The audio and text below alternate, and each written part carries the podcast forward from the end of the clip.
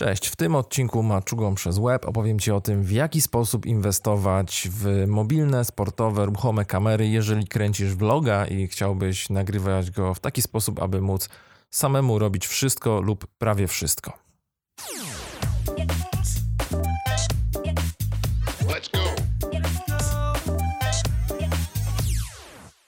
No więc właśnie, coraz częściej popularyzujemy naszą działalność poprzez vlogi, różnego rodzaju materiały wideo i najczęściej mają one postać albo gadającej głowy, czyli ustawiamy sobie gdzieś kamerę, choćby to by był na przykład telefon komórkowy i my mówimy na tle, nie wiem, regału z książkami, ściany, czy jakiegoś tła fotograficznego, czy jeszcze na jakimś innym tle. Ale bardzo często jest tak, i takich vlogów się pojawia coraz więcej yy, na YouTubie na przykład, że chcemy pokazywać jakieś czynności z nami związane, na przykład wykonujemy coś, lub po prostu idziemy i pokazujemy coś, jakąś przestrzeń. Mm, no i tutaj wydaje się idealnym rozwiązaniem jakaś forma kamery sportowej, niewielkiej, lekkiej, którą możemy wziąć do ręki, wystawić na przykład na selfie sticku i w ten sposób nagrywać nasze materiały wideo. Zgadza się, rzeczywiście tutaj chciałbym polecić rozwiązania niewielkie, mało ważące, ale wydajne choćby pod względem no, zużywania energii na przykład, bo nikt nie chciałby nagrywać materiału w plenerze, do którego się długo przygotowywał, super profesjonalną i ciężką kamerą, która rozładuje się w 20 minut, ponieważ jej profesjonalizm przekłada się automatycznie nieco niestety na zużycie energii. Co zatem wybrać? Zakładam z góry, że mamy dosyć mocno ograniczony budżet. To znaczy nie, nie chcę tutaj zakładać, że będziemy wydawali 10 czy 15 tysięcy po to, żeby rozkręcić własnego vloga. Jeżeli ktoś ma takie środki albo ma ekipę, która może go kręcić, zanim wszędzie chodzić, to owszem, super, ale w tym konkretnym materiale, w tym konkretnym odcinku mojego podcastu, zakładam, że raczej dysponujemy kwotami do 2000 zł, czyli takimi, które jesteśmy w stanie realnie zainwestować i w razie jakiegoś, jakiejś większej wpadki czy niepowodzenia w prowadzeniu tego vloga, możemy te urządzenia później wykorzystywać choćby do celów prywatnych i nie będziemy mieli jakiegoś takiego kolosalnego w głowie poczucia straty, że ej, wydaliśmy ogromne pieniądze i nic z tego nam nie przyszło. No dobra, to się teraz zastanawiamy, jakie karty mamy na stole. No więc mamy to, o czym już wspominałem, czyli niewielkie kamery sportowe, które możemy połączyć z jakimś selfie stickiem albo gimbalem, czyli taką głowicą z żyroskopami, która jest w stanie sama się ustabilizować w odpowiedni sposób. Mamy wreszcie telefony komórkowe, które również w takim setupie możemy połączyć, czyli telefon komórkowy plus selfie stick lub w wersji bardziej zaawansowanej właśnie z gimbalem. Mamy wreszcie gotowe rozwiązania, takie zespolone w jedno, gdzie gimbal ma wbudowaną kamerę. No i mamy rozwiązania, gdzie na y, gimbal czy jakąś formę statywu możemy założyć lepszą, troszkę cięższą y, kamerę dającą lepsze efekty optyczne. Jak to, jak to teraz rozegrać? Bo na rynku jest dosyć dużo rozwiązań tego typu, od najprostszych chińskich po bardziej skomplikowane rozwiązania profesjonalne czy też półprofesjonalne. Między wydatkiem 500 zł a 5000 zł, tak naprawdę w parametrach i opisie, gdy patrzymy na przykład na system y, żyroskopowy typu gimbal, możemy nie znaleźć istotnych różnic i możemy się zastanawiać, co jeszcze wpływa na wybór, oprócz powiedzmy jakości wykonania, która jest dosyć mglistym obecnie tak naprawdę parametrem.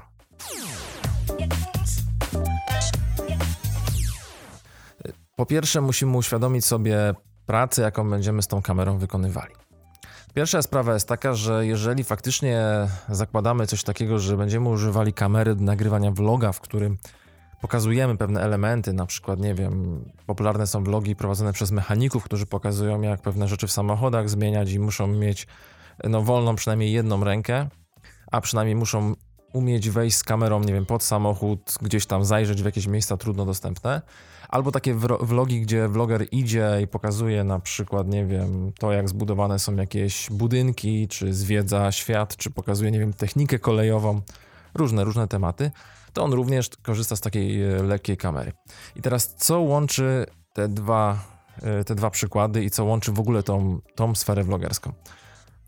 Najprościej powiedzieć, że to, że w obu przypadkach chcemy mieć automatyczną kontrolę nad nagrywanym obrazem i dźwiękiem i chcielibyśmy, żeby on był naprawdę przyzwoitej jakości, no bo w tej chwili zauważcie, że kanały na YouTubie, te, które odnoszą sukces, bardzo się profesjonalizują również pod kątem właśnie jakości nagrywanych materiałów.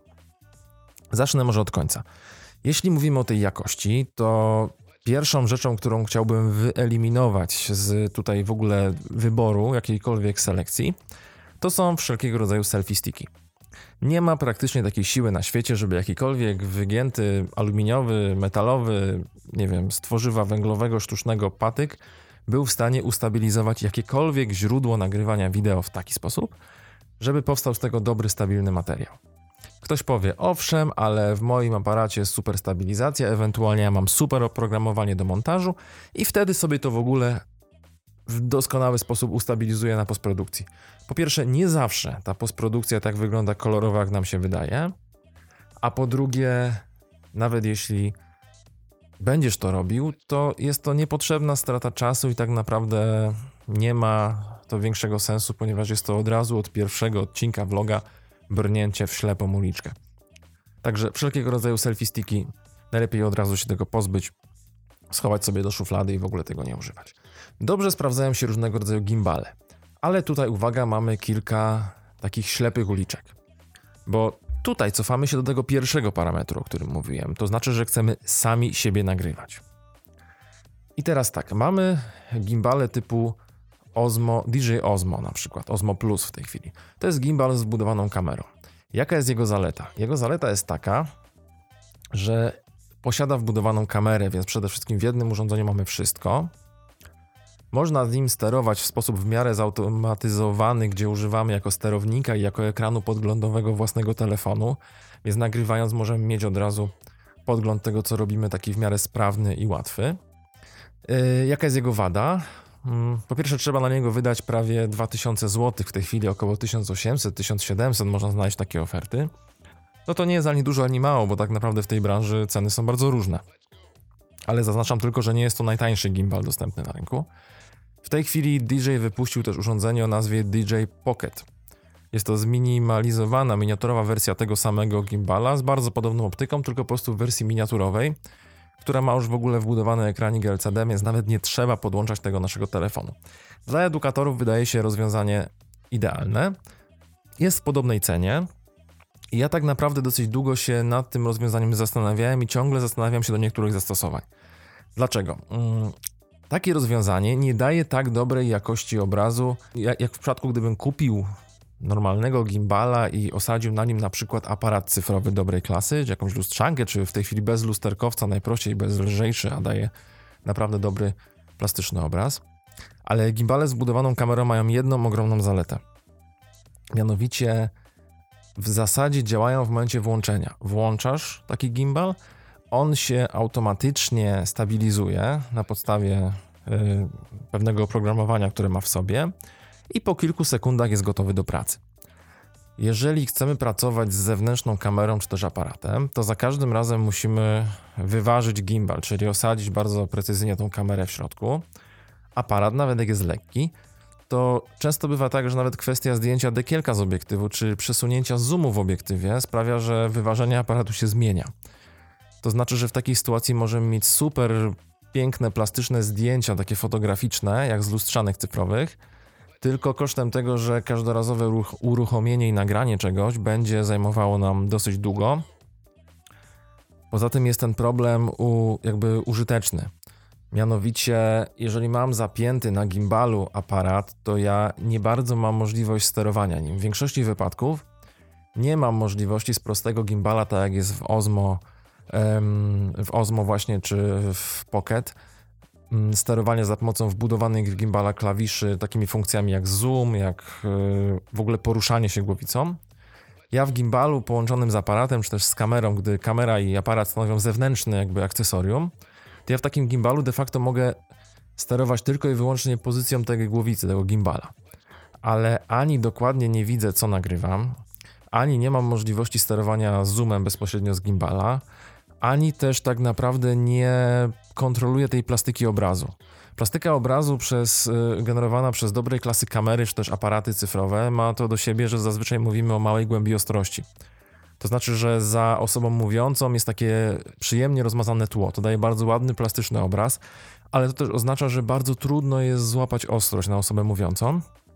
I nagrywając samego siebie możemy się strasznie rozczarować w sytuacji, kiedy tak zwany autofokus sobie nie poradzi. Zresztą bardzo wiele aparatów nagrywających filmy e, ma niezbyt dobrze działający autofokus właśnie w trybie nagrywania filmów.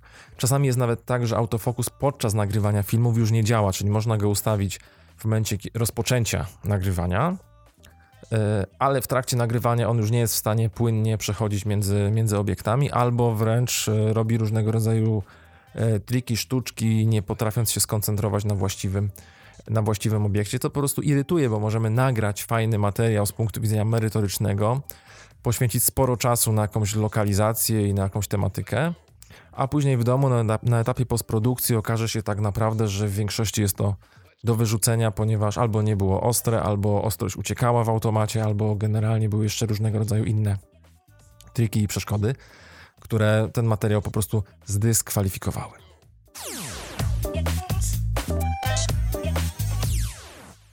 No i teraz co dalej? Y, jest to bardzo trudne, żeby zrezygnować z takiego lepszego obrazu na rzecz prostego gimbala, ale w większości wypadków obecnie oferowane nam rozwiązania z wbudowaną kamerą po prostu spisują się dużo lepiej w trybie automatycznym. I ja przede wszystkim polecam takie rozwiązania. Natomiast trzeba mieć na uwadze jedną rzecz. Nie są to rozwiązania, które będą dobrze pracowały w każdych warunkach. Przede wszystkim potrzebują dobrego oświetlenia. Jeżeli chcemy nagrywać wewnątrz pomieszczeń, jeżeli nie mamy tam dobrego światła, no to będziemy mieli filmy bardzo często zaszumione, to się da troszkę podratować w postprodukcji czasami te szumy dodają wręcz uroku, bo to zależy co kręcimy. Natomiast nie ma co się spodziewać jakości taką, takiej, którą pokazują nam producenci tego sprzętu na filmach referencyjnych, takich filmach reklamowych. Zauważcie, że większość kamerek sportowych pokazuje swoje możliwości na filmach takich re reklamujących te kamerki e, typowo outdoor, czyli na otwartej przestrzeni w dobrym nasłonecznieniu, na przykład, nie wiem, jakieś narciarstwo, czy w ogóle sporty letnie ponieważ tam tak naprawdę bardzo niewielki, mm, bardzo niewielka matryca tej kamery, podatna na szumy, jest w stanie rozwinąć skrzydła. Wszędzie tam, gdzie oświetlenie będzie gorsze, będziemy mieli dużo większe problemy. Z tego tytułu warto też rozważyć, czy nie jest dobrym rozwiązaniem, jeżeli kamerka obsługuje jakość 4K, y, czy nie jest dobrym rozwiązaniem nagrywać właśnie 4K, a później w postprodukcji zmniejszać ten materiał do Full HD, bo w ten sposób można, robiąc to umiejętnie na montażu, można troszkę odratować materiał i troszkę ukryć szumy. Jest to rozwiązanie czasami stosowane przez, yy, przez zawodowców, bo podejrzewam, że niekoniecznie wszędzie potrzebujemy właśnie mieć jakość, jakość 4K. Mm, więc to jest jedno rozwiązanie. Oczywiście przy 4K też bardzo szybko topnieje czas y, na karcie pamięci, ale to jest inny temat. Akcesoria często stanowią jedną trzecią czy połowę ceny w ogóle y, tych rzeczy, w które musimy zainwestować. Drugi temat to warto też rozważyć na etapie prób i błędów, czy w ogóle nagrywając nie zrezygnować z jakości 4K na rzecz jakości HD, bo to już nam da dużą, y, dużą poprawę zazwyczaj obrazka. Poza tym bardzo wiele kamer ma taką funkcję, że w 4K nagrywa na przykład 30p, czyli 30 klatek na sekundę, a w Full HD potrafi nagrywać na przykład 60p. Taki, takie 60 klatek na sekundę daje bardzo przyjemny dla oka taki płynny ruch. To naprawdę robi różnicę, ponieważ przez bardzo, bardzo wiele lat takich telewizyjnych i nawet filmowych przywykliśmy do tego, że e, ilość klatek na sekundę to oscyluje między 24 a właśnie 30 mając 60, realnie nagrywane 60, możemy osiągnąć bardzo, bardzo fajny efekt i po prostu trzeba sobie zrobić testy, które filmy będą dla nas lepsze.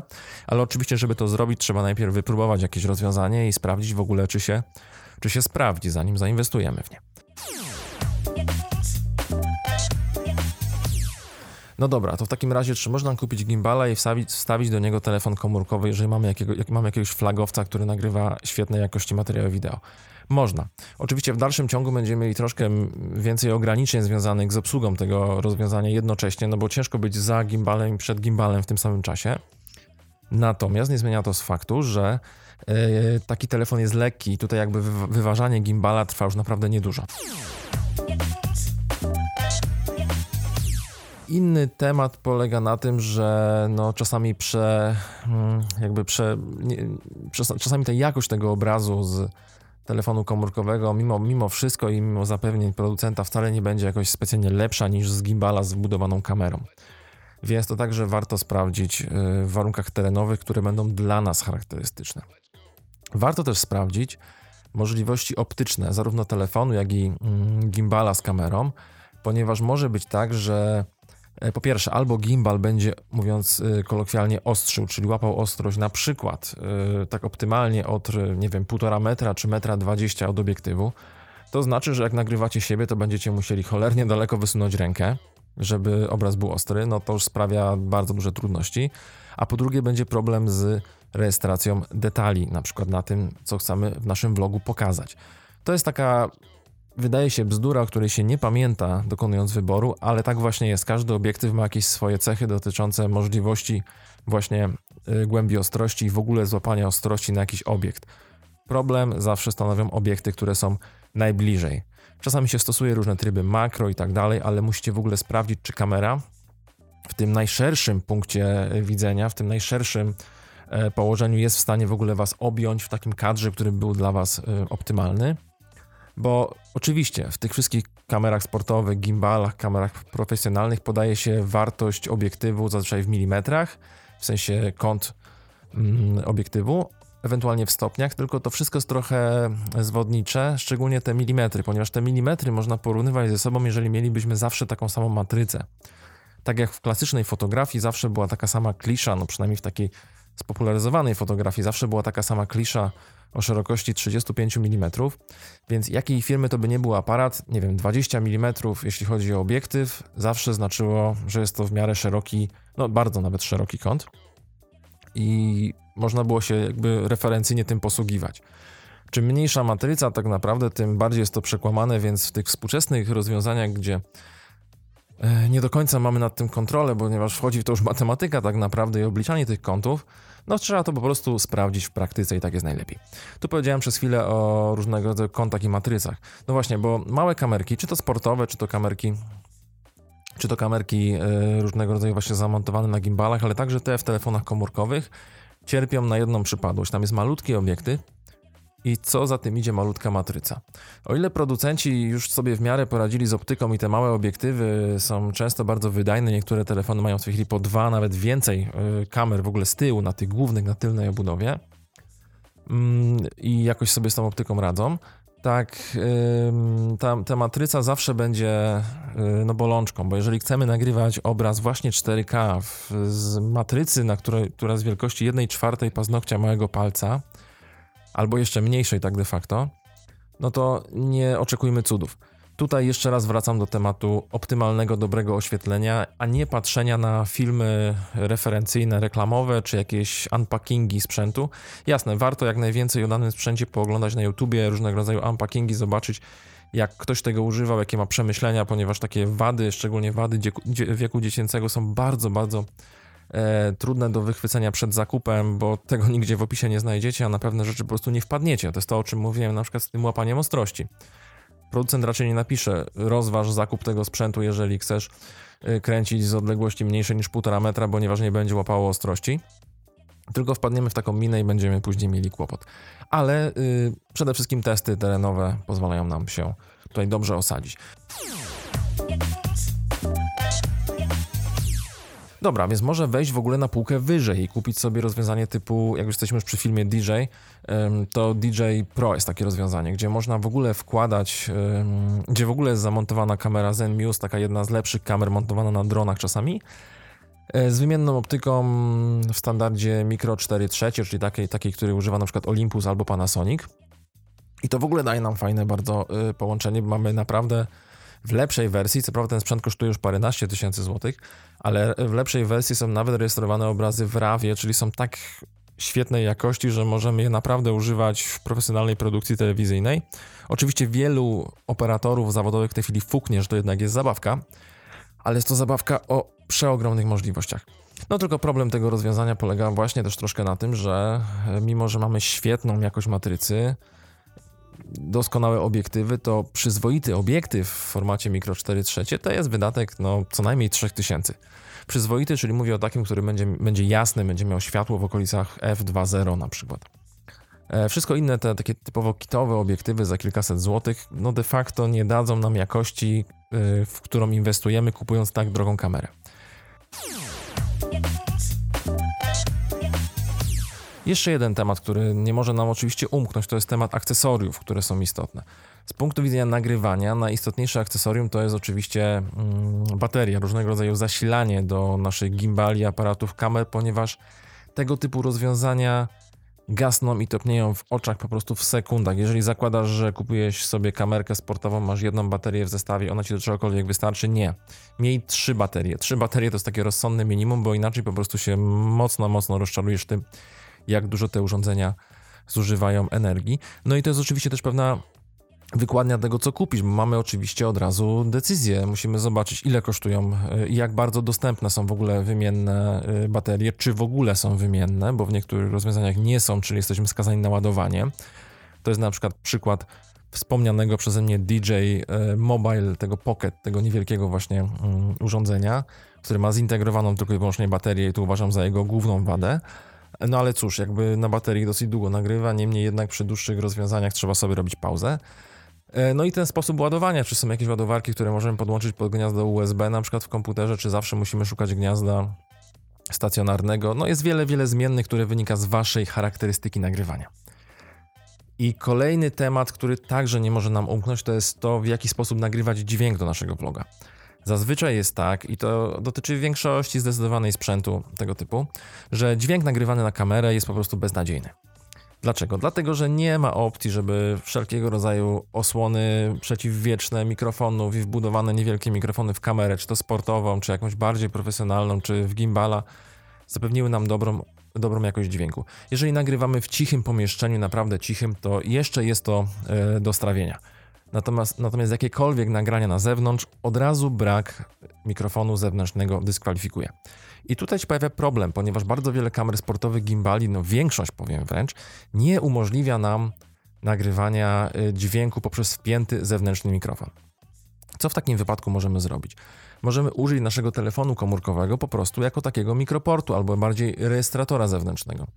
Wystarczy dokupić niewielki mikrofon, yy, najlepiej taki krawatowy, taką pchełkę przypinaną gdzieś do koszuli i po prostu nagrywać sobie dźwięk osobno na telefon komórkowy, jakąkolwiek aplikacją, która nagrywa, umożliwia nagrywanie dźwięku dobrej jakości, mm, a później ten dźwięk połączyć na montażu z, yy, z obrazem.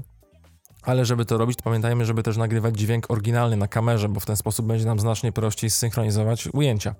Jeżeli nagramy tylko na telefon komórkowy, a ujęcia na kamerze będą mm, zmiutowane, nie będzie tam nagrany żaden dźwięk, no to będziemy mieli bardzo duży problem, żeby w właściwy sposób odnaleźć e, ujęcie e, wideo z klipem audio. A tak mamy tak zwanego pilota nagranego, czyli oryginalny dźwięk z kamerki, nawet nie najlepszej jakości, oraz taki dopracowany dźwięk już y, z telefonu komórkowego. Oczywiście to sprawia, że w tym momencie tracimy telefon komórkowy, bo on już nie może obsługiwać gimbala, na przykład jako sterownik, mm, ale możemy użyć albo innego, jakiegoś tańszego, prostego, nieużywanego, już leżącego w szufladzie smartfona. Ewentualnie możemy używać na przykład rejestratory, rejestratory audio. Są takie firmy jak, y, nie wiem, y, chociażby Tascam czy Zoom, które robią bardzo, bardzo dobre rejestratory. One kosztują po kilkaset złotych, niestety, bo to nie są takie proste yy, dyktafony, yy, ale naprawdę dla kogoś, komu zależy na jakości wideo yy, i audio jednocześnie, na tym, żeby te pliki ze sobą współgrały estetycznie, to jest bardzo dobre rozwiązanie. No i tak naprawdę pozostaje nam kwestia tego, y, jaki mikrofon dobrać, bo na rynku są mikrofony bardzo różnej jakości. Tak naprawdę ja wychodzę z założenia, że poniżej 50-70 zł nie ma sensu kupować mikrofona, mikrofonu wpinanego tutaj w klapę, bo to zawsze będzie tylko pewien dodatek do jakości. Jeżeli miałbym podać coś referencyjnego, co mnie się osobiście sprawdza i byłem zaskoczony jakością tego rozwiązania, to był mikrofon firmy Rode o nazwie Smart Lav Plus. Rode, czyli RODE, Smart Love Plus, to jest wydatek no trochę ponad 100 zł, chyba nawet grubo ponad 100 zł, nie chcę teraz skłamać, ale ja szczerze powiedziawszy po podłączeniu go do iPada na przykład byłem, w, jak to się mówi kolokwialnie, w ciężkim szoku, jak, jak polepszyła się jakość dźwięku. No sam mikrofon w iPadzie, y, czy też aparat, w ogóle też w iPadzie kamera no, pozostawiają wiele do życzenia w porównaniu z iPhone'em, to jest przepaść y, w dół niestety. E, ale podłączenie tego niewielkiego, tej niewielkiej pchełki w, tutaj w klapę marynarki, czy gdzieś tutaj w koszulę sprawiło, że jakość dźwięku polepszyła się mm, no, w sposób wręcz niemożliwy do opisania, to trzeba usłyszeć. No dobra, czyli w takim zestawie, który byśmy zainwestowali, mamy już w tym momencie mm, na przykład gimbal z budowaną kamerą, albo gimbal, jeżeli mamy dobry telefon komórkowy, oraz przyzwoity mm, mikrofon zewnętrzny z rejestratorem lub z jakąś inną formą rejestracji, oraz multum akcesoriów, w naszym wypadku głównie baterie. Czyli reasumując cały ten odcinek, przychodzi mi do głowy to, że dla vlogera najlepsze na rozpoczęcie jest zastosowanie najlepiej, moim zdaniem, albo gimbala z własnym telefonem komórkowym, jeżeli jest to naprawdę flagowiec i słynie z bardzo dobrych y, nagrań wideo, albo gimbala z budowaną kamerą. Takie rozwiązania oferuje bardzo, bardzo wiele firm. Mm, są jeszcze takie rozwiązania łączone, na przykład y, chińska firma Xiaomi, znana z telefonów komórkowych, ale w ogóle z bardzo dużej ilości bardzo różnego sprzętu, oferuje na przykład y, gimbal wraz z kamerą sportową. Czyli możemy tą kamerę trochę wyglądającą jak GoPro wyciągnąć i używać jako kamera sportowa, ale możemy ją również osadzić na gimbalu. Y, gimbal ma wtedy własne ładowanie, własną baterię, zasila dodatkowo kamerę i wtedy to się robi taki zespolony, zespolone rozwiązanie. Kosztuje trochę ponad 1000 zł, więc trochę taniej niż wspominany przeze mnie DJ Osmo Plus. Mm, natomiast na pewno jest to y, no, chińskie rozwiązanie w porównaniu ze sprawdzonym rozwiązaniem firmy DJ. Natomiast no, jest na pewno godne rozważenia. Wiem, że trudno jest pójść do sklepu, inter, sklepu no, internetowego nie pójdziemy, ale nawet do sklepu klasycznego, jakiegoś, który zajmuje się aparatami fotograficznymi, i tak naprawdę wyciągnąć sobie z półki i testować 4 czy 5 gimbali, bo po pierwsze Pewnie nawet tyle nie będzie na stanie, żeby przetestować. Po drugie, ja sam kiedyś pracowałem w tego typu przybytku i wiem, jakie to jest problematyczne dla handlowców, że muszą wyciągać, formatować baterie, jakieś elementy ekspozycyjne. Po prostu, po, po prostu sklepy tego nie mają na ekspozycji, żeby tak sobie móc testować to w nieskończoność. Warto popytać na forach internetowych, czy ktoś coś takiego ma i czy można coś takiego zobaczyć. Często jest tak, że bloger czy vloger, no jednak osoby, które publikują w internecie, bardzo często dla samego faktu spotkania się z kimś ciekawym, może nagrania jakiegoś wspólnego materiału, czy może w ogóle nawiązania współpracy z kimś na przyszłość, bo nigdy nie wiadomo, czy was, wasz vlog nie osiągnie gigantycznej popularności. Yy, pokażę tak swój sprzęt, czy swoje takie zaplecze techniczne, bo dla większości rozsądnych ludzi to nie powinna być żadna mm, tajemnica. Ja generalnie zapraszam do siebie, jeżeli ktoś jest w okolicach yy, Warszawy i chciałby zobaczyć, w co warto zainwestować, a w co nie, to ja jestem i bardzo chętnie udzielę Wam takich porad, porad praktycznych. Można włączyć sprzęt, z którego ja korzystam, można zobaczyć, pójść na zewnątrz, pójść do wewnątrz i sprawdzić, w co warto inwestować. Mam nadzieję, że troszkę pokazałem ten punkt widzenia przyszłym vlogerom y, i różnego rodzaju blogerom audiowizualnym i że będzie Wam troszkę łatwiej podjąć decyzję, co kupić. Jeżeli zebraliście na, przełom, na przełomie roku troszkę pieniędzy, to może będzie w tej chwili prościej. Dziękuję Wam, że wysłuchaliście ten odcinek i mam nadzieję, że będziecie subskrybować i słuchać tego podcastu, ponieważ w 2019 roku mam zamiar robić go dla Was regularnie i coraz lepiej, aż wspólnie osiągniemy poziom, który będzie dla nas wszystkich ciekawy i satysfakcjonujący. Pozostajemy w kontakcie i do usłyszenia następnym razem w Maczułą przez Web.